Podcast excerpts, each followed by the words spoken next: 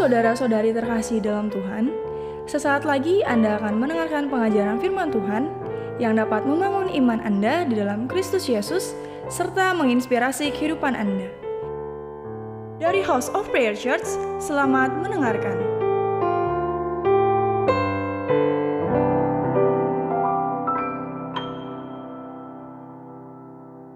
Ya, shalom semua. Siap mendengar firman Tuhan? Amin. Hari ini uh, di bulan Februari ini tema kita adalah bukan Valentine, tapi tema kita adalah relationship. Amin. Artinya apa? Hubungan. Kita akan bicara sebulan ini kita akan bicara tentang relationship. Ya, uh, ayat nasnya itu di Roma 12 ayat 10. Ya, di bahasa Indo, uh, bahasa Indonesia sehari-hari, Alkitab bahasa Indonesia sehari-hari. Kita baca sama-sama, satu, dua, tiga. Hendaklah saudara-saudara saling mengasihi satu sama lain. Dengan mesra seperti orang-orang yang bersaudara dalam satu keluarga. Dan hendaklah kamu saling mendahului memberi hormat. Amin. Hari ini kita akan bicara tentang komunikasi. Ya, katakan sama-sama saya, komunikasi. Kenapa kita bicara tentang komunikasi? Karena bulan ini kita sedang bicara tentang hubungan, relationship. Komunikasi yang baik akan membuat hubungan menjadi baik. Amin. Yang mengerti katakan amin. Banyak yang gak mengerti. Jadi yang mengerti katakan amin. Kenapa banyak yang gak mengerti? Karena orang sering kali mensepelekan, menyepelekan komunikasi. Dipikir komunikasi itu ah, itu mudah sekali. Ah, gampang sekali komunikasi satu dengan yang lain gampang sekali. Komunikasi itu adalah apa sebenarnya? Komunikasi itu adalah kemampuan seorang menyampaikan pesan dari dirinya agar dapat dipahami oleh orang lain dan kemampuan seseorang dalam memahami pesan yang disampaikan orang lain kepada dirinya. Karena komunikasi eh, kemampuan menyampaikan pesan kita sering kali menganggap, menganggap remeh, menganggap sepele, gampang dari kecil pun kita udah bisa.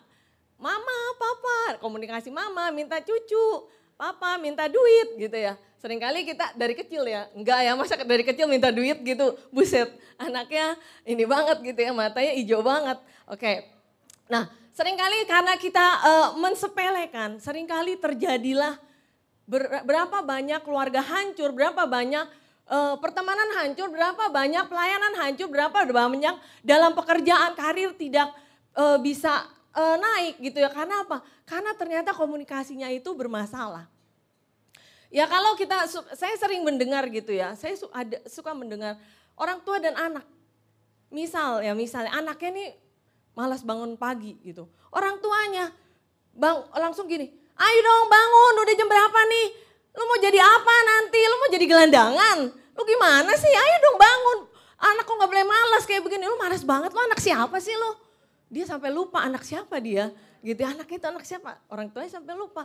Ya ada kalanya kita mengucapkan kata-kata yang negatif tanpa sadar. Karena kita berasa komunikasi itu sepele. Jadi kita asal asal sembrono aja. Ada juga anak-anak mungkin ya anak-anak ngebalesnya mama cerewet banget ngomong terus cerewet banget. Dari pagi baru bangun mama udah udah kita mau tidur udah tutup bantal masih aduh ini ada gemaknya nih si emak ya Sampai akhirnya anaknya sampai bilang, udah deh mama jangan ngomong terus deh, cerewet banget, saya malas denger, saya udah malas, aduh malas banget denger.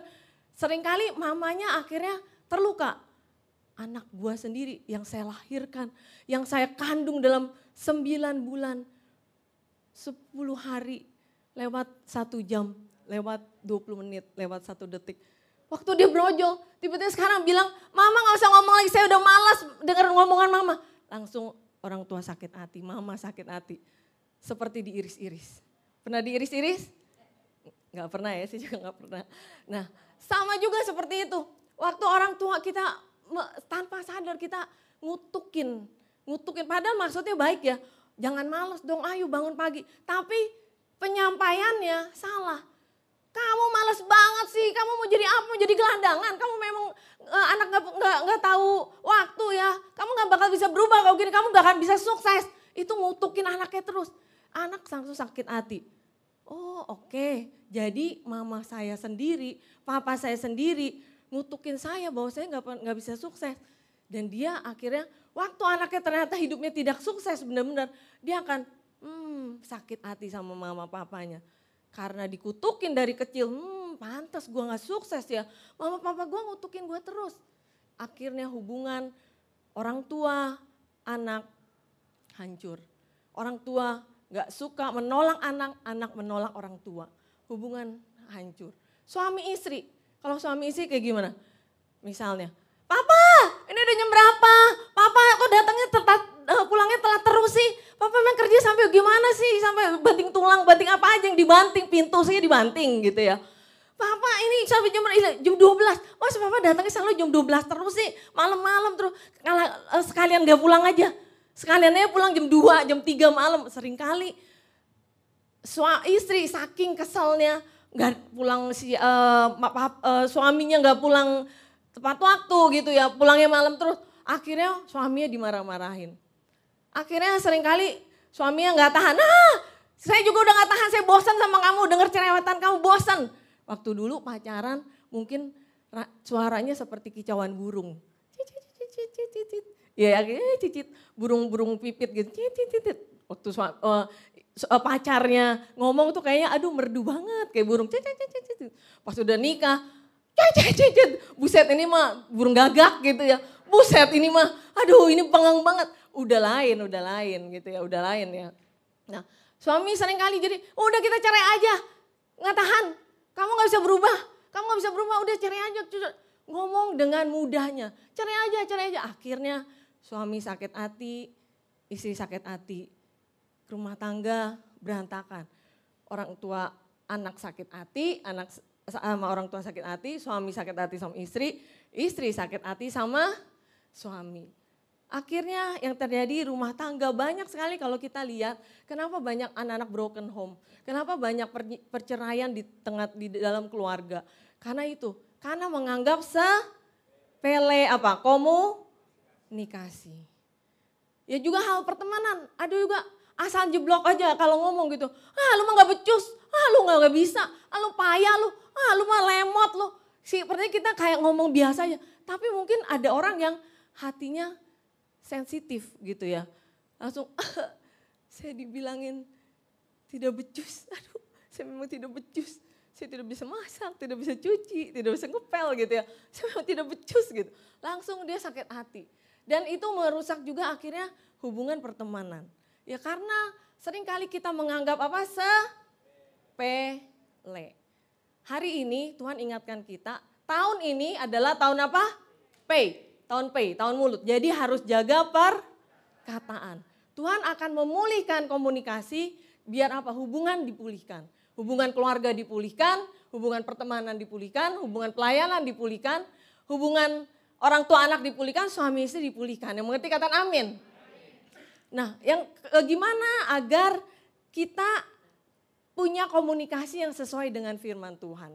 Hari ini kita akan sama-sama belajar agar kita benar-benar bukan hanya komunikasi yang kita ngomong aja akhirnya uh, terjadi negatif, satu dengan yang lain melukai, tapi bagaimana sih komunikasi yang sesuai dengan kebenaran firman Tuhan. Yang mau dengar katakan yes. yes. Katakan kanan kiri, gue semangat. Yang satunya bilang juga dong sama gitu dong. Oke. Okay. Yang pertama, ya, yang pertama komunikasi, komunikasi seperti apa yang sesuai dengan kebenaran firman Tuhan? Yang pertama adalah pakai perkataan yang baik dan membangun. Pakai perkataan yang apa? Baik dan membangun. Setiap kita berkata-kata, ingatlah, bijaksanalah, sadarlah, setiap perkataan kita itu nggak bisa dihapus. Jadi yang kita udah lontarin, orang nggak bisa, eh mana tuh kayak hilang ingatan. Eh dulu kan lu pernah ngatain gue, mana? Enggak, iya, enggak bisa dihapus. Yang kita lontarkan itu sudah terjadi. Jadi bijaksanalah menggunakan perkataan. Amin. Dan kalau kita ngerti, ingat ini adalah tahun pay, tahun mulut, apa yang kita perkatakan itu akan terjadi. Jadi benar-benar ucapkan semua yang bijaksana, semua yang positif.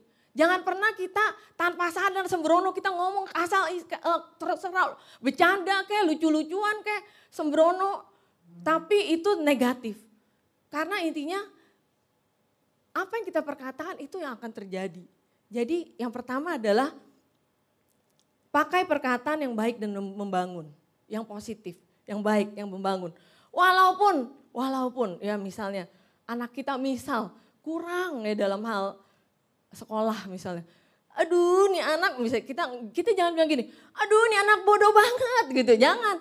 Aduh nih anak pinter banget ya, pinter deh loh, pinter gitu ya. Walaupun gemes-gemes kesel gitu, tapi pinter ya pinter. Kenapa? Karena perkataan itu yang akan mulai terca, uh, kreatif, uh, mencipta, ter, tercipta.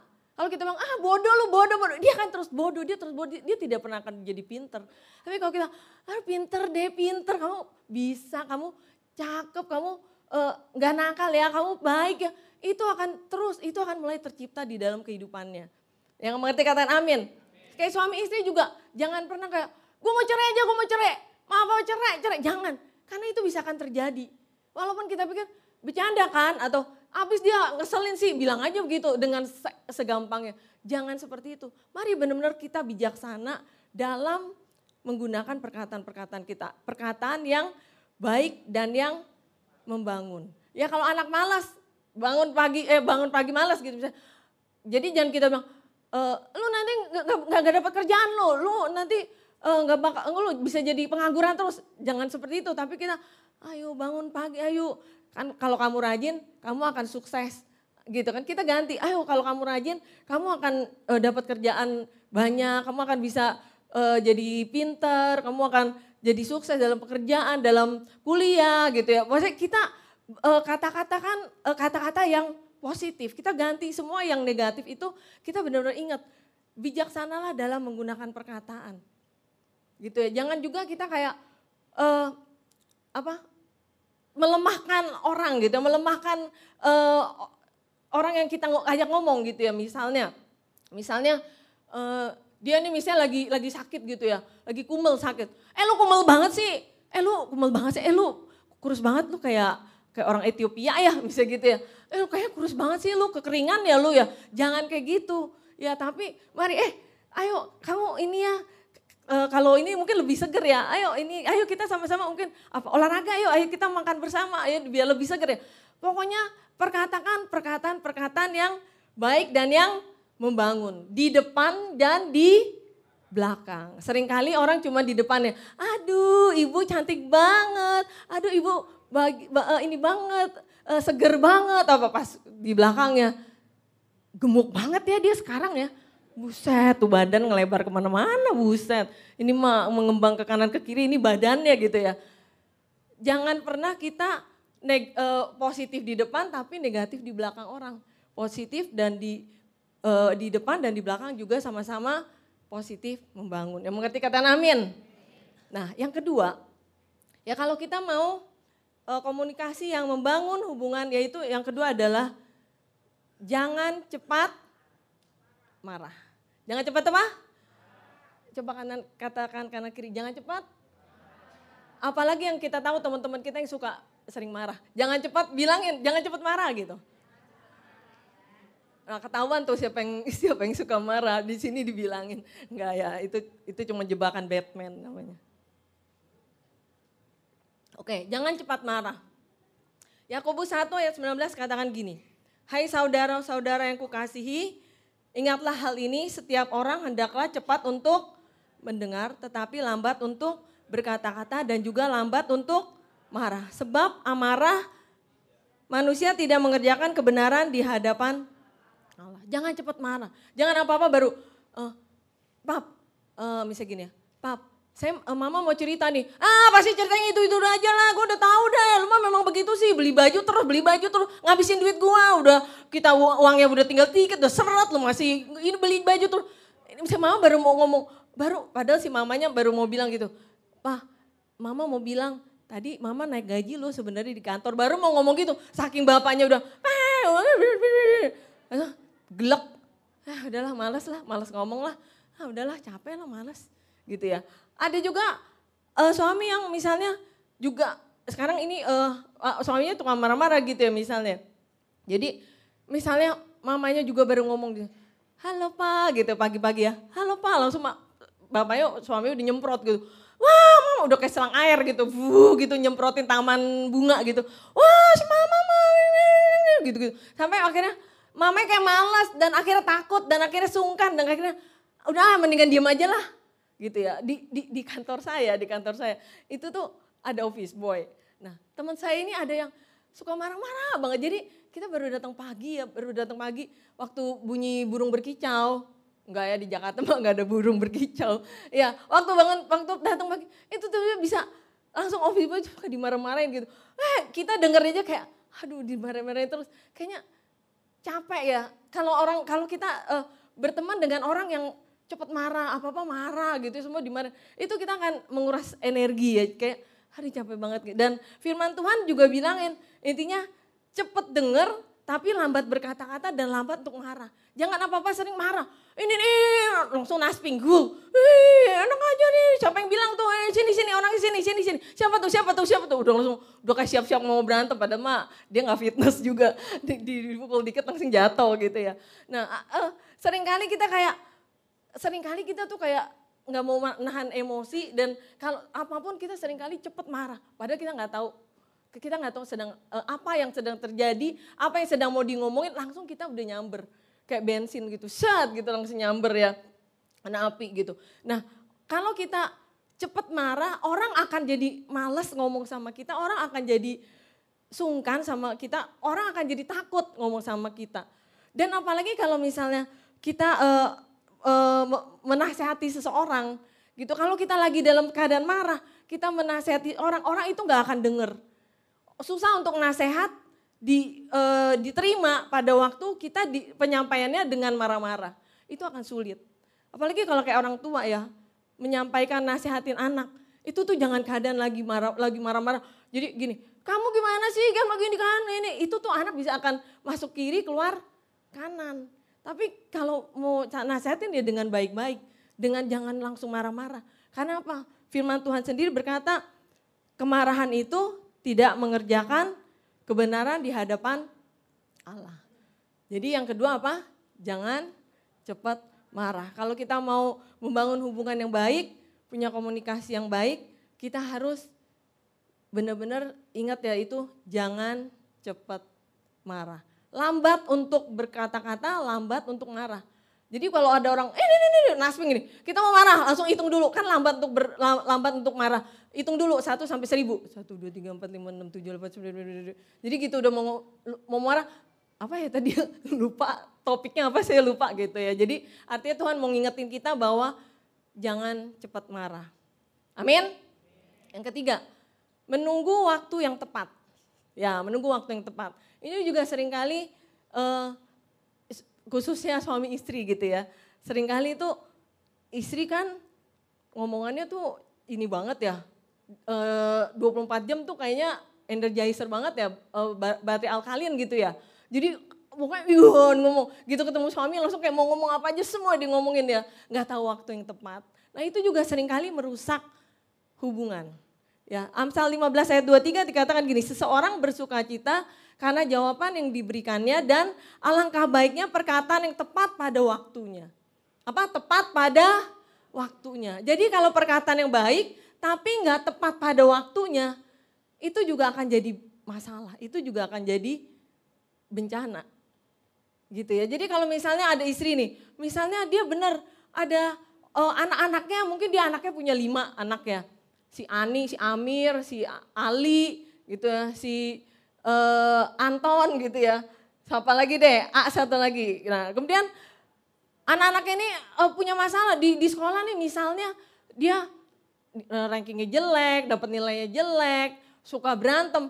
Waktu suaminya capek, pulang dari kerja capek kan. Capek nih, aduh pulang dari kerja, aduh taruh ini, aduh baru ngelepas lepas-lepas sepatu gitu. Aduh mam, baru gitu kayak, aduh capek gitu. Tiba-tiba suaminya, eh istrinya langsung datang kan. Eh gitu ya, manggilnya mas kan zaman sekarang ya. Mas gitu. jadi jadi berasa kaya kan, ada mas, ada mas kan yang penting. Mas, ini mas, ini si Ani ini mas, masa dapat ranking uh, jelek nih, dapat ranking 4 dari belakang. Mas, si ini nih mas, kimianya, masa jeblok dapat dua. Mas, ini tadi ber, uh, berantem nih di, di sekolah. Lagi suaminya lagi capek ya. Istrinya bukannya menunggu waktu yang tepat, tapi langsung udah Pokoknya ini kayak mesti dimuntahkan semua. Dimuntahkan semua. Nah muntahnya ke mana? Muntahnya ke suaminya. Nanti suaminya enek ya, dapat muntahan. Akhirnya dia muntah ke mana? Muntah ke anaknya. Nanti anaknya enek nih, dapat muntahan. Muntah ke mana? Ke anjingnya. Nanti anjing enek, muntah ke mana? Ke kucing. Kucing enek, ah, muntah ke mana? Ke tikus. Tikus, mati kejebak lem tikus gitu ya. Nah sering kali kalau kita nggak menunggu waktu yang tepat, ada kalanya itu akan membuat hubungan jadi tidak baik. Padahal maksudnya baik, istrinya kan mau lapor kan, anaknya si Ani gini, si Ani, itu bagus. Tapi kalau waktunya nggak tepat, itu akan bikin hubungan jadi nggak baik. Suami jadi akan marah-marah, makanya sering kali jadi suami, aduh males ngomong sama lu deh, aduh lu cerewet banget deh, ntar dulu, ntar lu capek. Istri sakit hati lagi, hah gak mau ngomong sama gue sekarang. Sekarang selama-lamanya gue juga gak mau ngomong sama lu. Yeah, langsung pergi gitu ya. Habis gitu sih pergi bentar itu balik lagi gitu karena uang jajannya akan kurang. Nah kemudian nah itu sering kali kalau misalnya uh, suami lagi capek ya tunggulah, tunggu, tunggu tenang dulu. Pak mau minum apa? Kopi, es jeruk, alpukat, uh, soft drink, uh, es duren. Udah pada lapar kan? Saya juga lapar. uh, apa pak? Oh ya es duren mah. Oke datang es duren. Lo kok uh, ini mah nggak ada durennya? Iya ini cuma esensinya doang, wangi doang pak. Jadi nggak apa-apa ya, oke gitu kan. Dengan kasih itu akan duren tanpa duren rasanya tetap seperti duren. Nah kemudian kemudian uh, abis abis oh minum suaminya minum. Pak mau pijetin dulu gak? Boleh pijetin. Nah ini biasanya nih kalau begini nih sering kali nih istri mau mengeluarkan jurus ini sign and wonder. Sign and wonder tau gak gimana? Jadi intinya ini kan, ntar deh saya ceritain sign and wonder.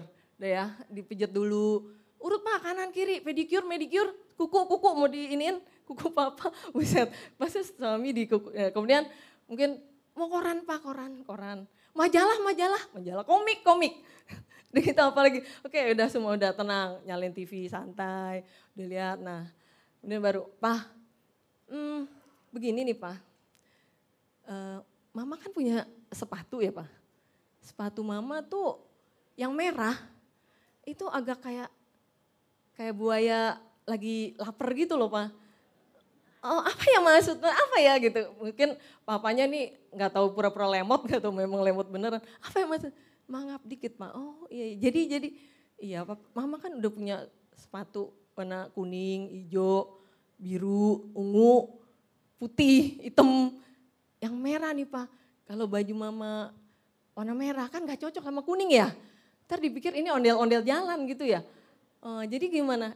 Uh, tadi mama melakukan sign and wonder. Oh apa tuh maksudnya? Jadi mama tadi ke mall, tanpa sengaja lagi mama lihat estalase gitu, tring ada yang berkilau-kilau gitu ya. Warnanya uh, mengkilap-mengkilap uh, kayak sepatu Cinderella gitu, warnanya merah. Begitu, eh mama beli deh. Mama beli, dia tuh akhirnya mama tanda tangan. Kartu kredit, kredit papa. Gitu berapa, berapa? Ini pak bonnya. Dan bapaknya langsung wonder, tring 20 juta, gedubrak gitu ya.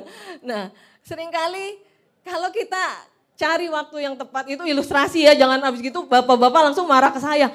Bu, tadi ibu bilang begitu istri saya benar-benar beli sepatu bu, 20 juta buset enggak ya, ini ini bercanda, ini ya, ini hanya ilustrasi ya. Itu cuman bercandaan ya. Nanti beli yang 20 juta pas lagi masa promosi 99 persen, amin. Oke, ya. Kemudian kalau kita tahu waktu yang tepat, kita akan bisa bangun hubungan. Waktu kita bicara lagi, udah rileks, udah tenang kita bicara, itu akan lebih mudah komunikasi itu dilakukan. Dan hubungan akan menjadi lebih tetap baik. Amin. Nah yang ketiga, menyaring apa, eh, yang keempat, menyaring apa yang didengar. Ya, di Lukas 8 ayat 18a dikatakan gini, karena itu perhatikanlah cara kamu mendengar. Ya, perhatikan cara kamu mendengar. Amsal 4 ayat 23 dikatakan gini, jagalah hatimu dengan segala kewaspadaan karena dari situlah terpancar kehidupan. Ya, apa yang kita dengar gitu, itu akan berdampak dalam hati kita.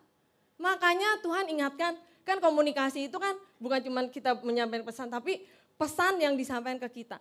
Ada kalanya orang-orang orang-orang sekeliling kita sadar tidak sadar suka me, e, menyampaikan sesuatu yang tidak baik tentang kita, yang negatif, yang bikin kita kecewa, bikin kita luka hati, yang tidak baik, yang akhirnya kita kecewa, kita luka hati, kita sedih gitu ya. Dan Tuhan ingatkan kita saring, yang kita dengar itu kita harus saring. Jangan semuanya kita masukin dalam hati, semua masukin, masukin. Itu namanya tong sampah. Tapi kita harus saring. Ya, kalau uh, dikatakan gini, kalau ada burung yang terbang di atas kepala kita, set, tiba-tiba itu dia ini ya PUP gitu ya, ting gitu ya di kita. Kita nggak bakal bisa ngusir burung yang ada di atas kepala kita. Hus, hus, jangan terbang di atas kepala saya nggak bisa. Tapi waktu dia uh, kotorannya jatuh di kepala kita, kita bisa bersihin. Bener ya? Kita nggak akan bisa menutup mulut semua orang Jangan ngomong yang jahat-jahat tentang saya, jangan ngomong yang jelek, jangan ngomong yang negatif. Kita nggak akan bisa tutup semuanya, jangan ngomong gitu. Kita nggak akan bisa. Ada yang tiba-tiba ngomongin, ngomongin dari belakang, dari depan, dari samping, dari tengah, dari atas. Ada yang pada ngomongin. Kita nggak akan bisa menutup mulut orang, tapi kita bisa menyaring apa yang masuk dalam hati kita. Kalau sesuatu yang tidak baik, sesuatu yang negatif, itu jangan kita masukin dalam hati. Karena itu akan jadi sampah dalam hati kita. Waktu hati kita jadi, jadi sampah, Tuhan ingatkan, jagalah hatimu dalam kewaspadaan karena dari situ terpancar kehidupan. Kalau hati kita udah jadi sampah, kita nggak akan lagi terpancar kehidupan. Yang terpancar adalah kematian. Kalau hati kita udah jadi sampah, jadi busuk, jadi bau. Tidak ada tanda-tanda lagi kehidupan. Tapi yang Tuhan ingatkan saring. Kalau misalnya ada sesuatu yang mungkin e, mengoreksi kita, menegur kita, menasehati kita, semua yang baik kita terima. Semua yang baik kita terima, kita koreksi diri. Tapi kalau yang negatif yang membuat kita jadi luka hati, yang negatif yang kita jadi kecewa, kita benar-benar harus menyaring jangan sampai itu jadi sampah di dalam kehidupan kita, melukai kita, sehingga kita akhirnya benci, kesel, pahit, kecewa, sebel sama orang yang bicara. Sehingga akhirnya merusak hubungan. Ada loh ya eh, saudara orang yang ini jadi ada A ada B. Si A ngomongin si C ke, uh, kepada B ya. Ngomongin terus, si B belum pernah ketemu si C. Tapi karena si A ngomongin, si, si, si C tuh gak bagus tuh, ini gak boleh ini. Dia gak pernah berhubungan sendiri sama si C, si B. Akhirnya begitu ketemu, si B ini udah gak respect sama si C. Si B ini udah gak, gak mau ngomong sama si C. Kenapa? Karena dia udah dapat berita-berita yang gak bagus tentang si C. Jadi intinya mari kita jaga filter uh, kuping kita, pendengaran kita, untuk hati kita terus terpancar kehidupan. Yang mengerti kata amin. Jadi kita juga dengan kita jaga hati kita, waktu orang ngomongin jelek, orang ngomongin negatif, kita nggak jadiin sampah, kita nggak masukin, kita buang aja, kita buang kayak tadi. Kalau burung kotoran burung kita kita hapus, kita buang, kita bersihkan. Seperti itu orang ngomong kita yang jelek apa, yang bisa bikin kita luka hati, sakit hati, kita buang. Jangan kita oh, dia memang jahat ya, dia memang ngatain gue gini ya, dia memang suka jelek-jelekin gue ya, dia memang, dan kita simpen, simpen, simpen. Dan akhirnya kita sakit hati, dan akhirnya kita gak senang sama orang itu. Itu merusak hubungan kita, hubungan pertemanan, hubungan suami istri, hubungan orang tua anak, itu akan merusak. Jadi kalau kita mau punya komunikasi yang baik, kita mau punya hubungan yang baik, mari benar-benar jaga apa yang kita dengar. Yang mengerti kata amin. Ya, yang yang kelima, kasih sebagai pondasi dalam membangun hubungan. Sebentar saya minum dulu ya. Di Efesus 4 ayat 31 dikatakan gini. Segala kepahitan, kegeraman, kemarahan, pertikaian dan fitnah hendaknya dibuang, hendaklah dibuang dari antara kamu, demikian pula segala kejahatan. Tetapi hendaklah kamu ramah seorang terhadap yang lain, penuh kasih mesra dan saling mengampuni. Sebagaimana Allah di dalam Kristus telah mengampuni kamu. Ya firman Tuhan bilang gini, kasih sebagai pondasi dalam membangun hubungan. Seringkali waktu kita ber, berbicara, waktu, mungkin saya kita udah denger ya, oh, uh, oh kita nggak boleh ngomong yang negatif, oh kita harus jangan suka marah, oh kita harus menunggu waktu yang tepat gitu, oh kita harus menyaring apa yang kita dengar. Mungkin kita udah denger, tapi ada kalanya ya, kita namanya manusia sering kali ngomong tanpa sengaja menyakiti hati orang. Ya benar ya, tanpa sengaja kita saling menyakiti hati orang. Tanpa sengaja tiba-tiba, eh dasar lu mah gitu aja gak bisa. Orangnya lagi pas sensitif, dek, ah gue dibilangin nggak bisa lagi, ya memang gue nggak bisa. Ada kalanya tanpa sengaja kita menyakiti hati orang lain yang kita nggak tahu, kita nggak sengaja. Dan Tuhan ingatkan kasih jadi pondasi. Artinya gini, mari benar-benar saling mengasihi, mari benar-benar saling mengampuni. Kasih itu menutupi segala sesuatu. Kalau orang nggak sengaja ngomong, orang tiba-tiba nggak sengaja bercandaan atau mungkin nggak sengaja ngomongin kita mungkin ya, mungkin maksudnya dia, eh iya emang begitu ya gitu. Tapi kita sebenarnya itu melukai kita. Tapi kalau misalnya bilang kasih adalah pondasi, ya udah kita ampunin, nggak usah ingat-ingat lagi. Ya udahlah lupain aja, nggak usah dianggap itu masalah besar. Tapi kasih menutupi segala sesuatu. Kita mengasihi, ya udahlah nggak usah terlalu diambil pusing seperti itu. Jangan jadiin sampah dalam hati kita. Amin. Ya, karena apa? Sekali lagi, sering kali tanpa sadar kita tanpa sengaja sering kali e, mengecewakan orang, melukai orang. Tapi kalau kasih, kalau kita punya kasih, kita akan cepet ya udahlah ngampunin, udahlah nggak apa-apa lah. Dia dia nggak sengaja kali, ya mungkin dia lagi emosi, ya mungkin dia lagi capek kali, ya udahlah mungkin dia lagi di uh, di keluarganya lagi terjadi apa, mungkin jadi cepat tersinggung. Itu kasih menutupi segala sesuatu, sabar menanggung segala sesuatu. Makanya sekali lagi kasih yang menjadi pondasi di dalam membangun hubungan. Yang mengerti kata amin. Nah, kemudian selain komunikasi uh, yang kita bangun agar hubungan menjadi baik, ya komunikasi yang baik itu juga akan membuat kita menjadi saksi yang efektif. Katakan sama-sama saya, saksi yang efektif. Belum sama-sama, satu dua tiga. Saksi yang, uh, saksi yang efektif. Katakan kanan kiri, saksi yang efektif. Katakan itu yang kanan ya, sekarang kiri. Saksi yang efektif. Ya, bukankah hari-hari ini Tuhan ingatkan kita tentang hari-hari ini uh, Tuhan akan uh, mau datang kedua kali, akan ada penuaian jiwa, akan ada uh, jiwa-jiwa yang dimenangkan yang beribu-ribu laksa. Amin. Kalau kita membangun hubungan yang baik, kalau kita punya komunikasi yang baik, kita punya hubungan yang baik, kita akan bisa juga turut serta dalam kegerakan Tuhan yaitu memenangkan jiwa-jiwa. Kita akan Tuhan pakai untuk memenangkan jiwa-jiwa yang mengerti kata amin. Karena apa? Kalau hubungan kita baik. Kalau hubungan di keluarga kita nggak baik, kita marah-marah sama sama suami kita, suami marah-marah sama istri, marah-marah sama anak. Kemudian waktu kita mau bersaksi, waktu kita mau, eh Tuhan Yesus baik yuk, ayo kita sama-sama datang ke Tuhan. Suami kita mungkin bisa, apaan Tuhan Yesus baik? Ngeliat lu aja udah enak gitu ya. Ngeliat lu aja begini, orang gereja begini, ikut Tuhan ibadah begini. Ngapain ikut? Males ah. Ada kalanya, kenapa sering banyak kali orang yang gak mau ikut Tuhan karena dia melihat anak-anak Tuhan tidak jadi saksi yang baik. Anak-anak Tuhan tidak punya komunikasi yang baik, bicaranya kasar, bicaranya negatif, suka marah-marah, suka emosi. Ya akhirnya membuat orang-orang nggak mau ah nggak mau di, dibilang ayo ayo ikut Tuhan Yesus uh, biar kamu diselamatkan. Mungkin mereka Tuhan Yesus menyelamatkan itu amin. Tapi ngapain ya jadi orang Kristen kalau sama kayak kamu juga ya? Kasarnya juga, marah-marahnya juga, hidupnya asal-asalan juga, suka ngata-ngatain orang juga, nyakitin hati orang. Ngapain ikut sama kamu? Akhirnya kita nggak bisa jadi saksi yang baik. Karena apa? Karena kita nggak jaga komunikasi kita yang baik dengan orang lain. Sehingga hubungan kita tidak baik. Sehingga kita nggak jadi saksi yang baik.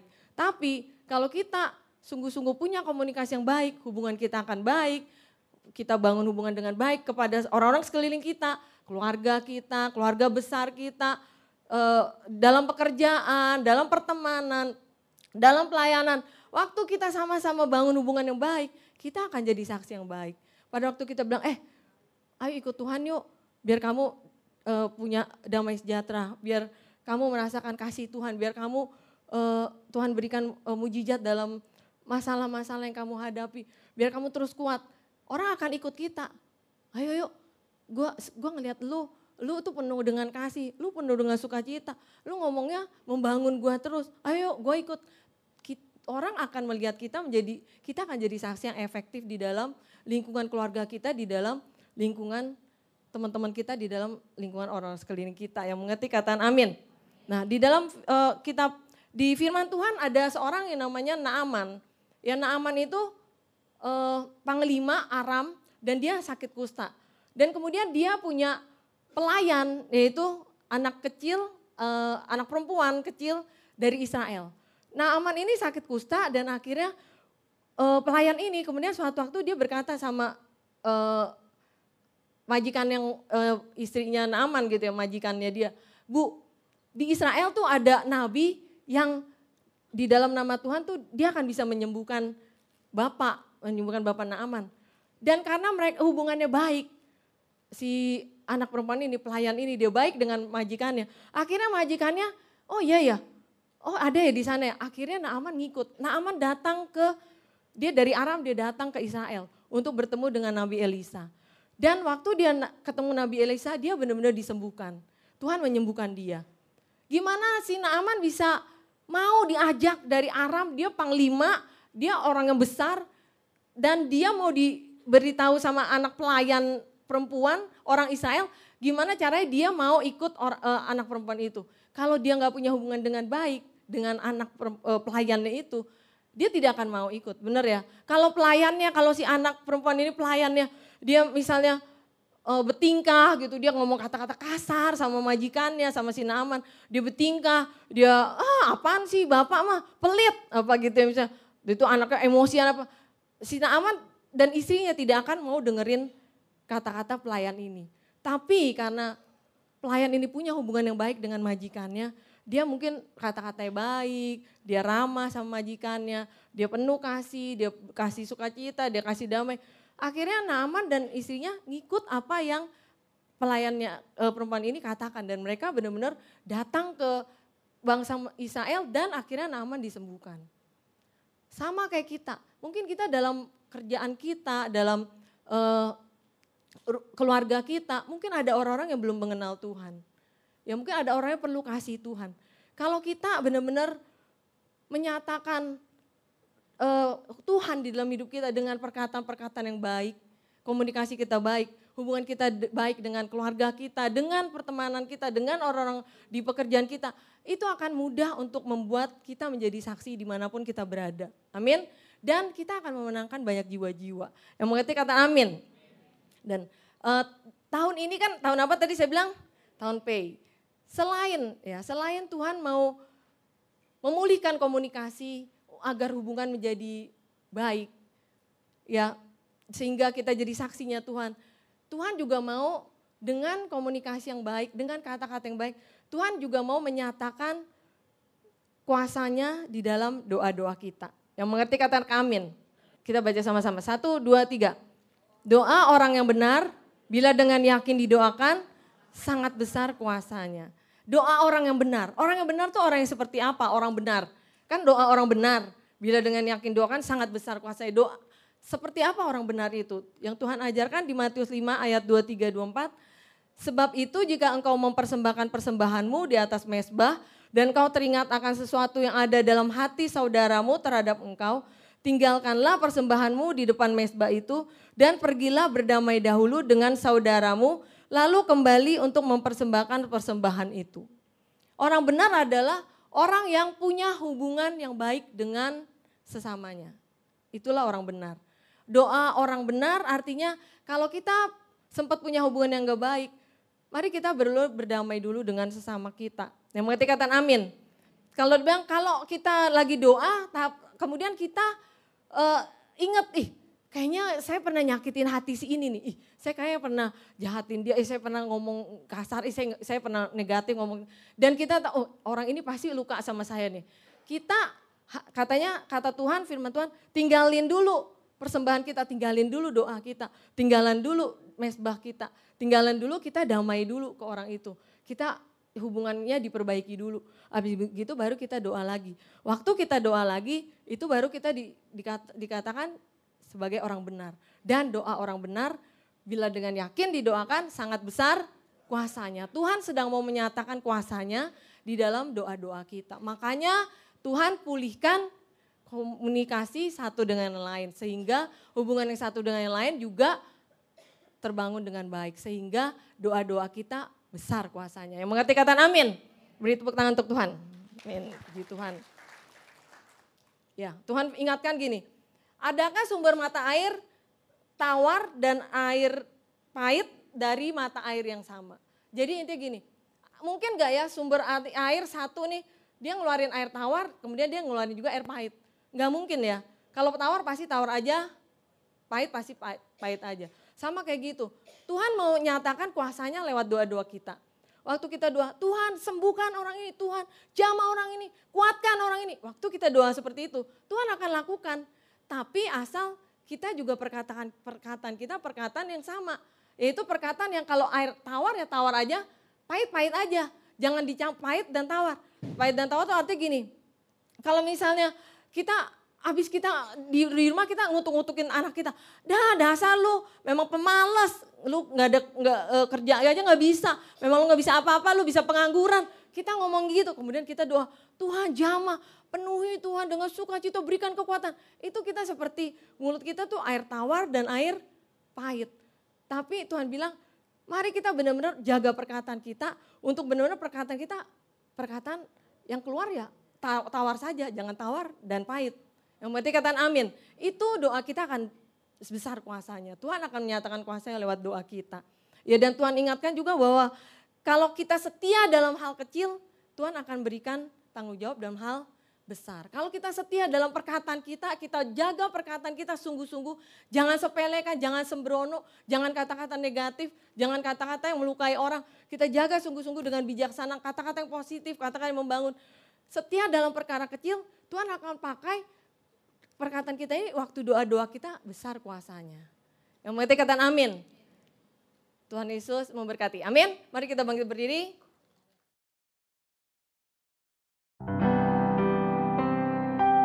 Anda telah mendengarkan sharing firman Tuhan yang disampaikan oleh hambanya. Untuk mendengarkan rekaman khotbah lainnya, Anda dapat mengunjungi website hope.church/sermon atau streaming melalui handphone Anda Church Podcast di Spotify dan Apple Podcast. Tuhan Yesus memberkati. Strong families, strong generation.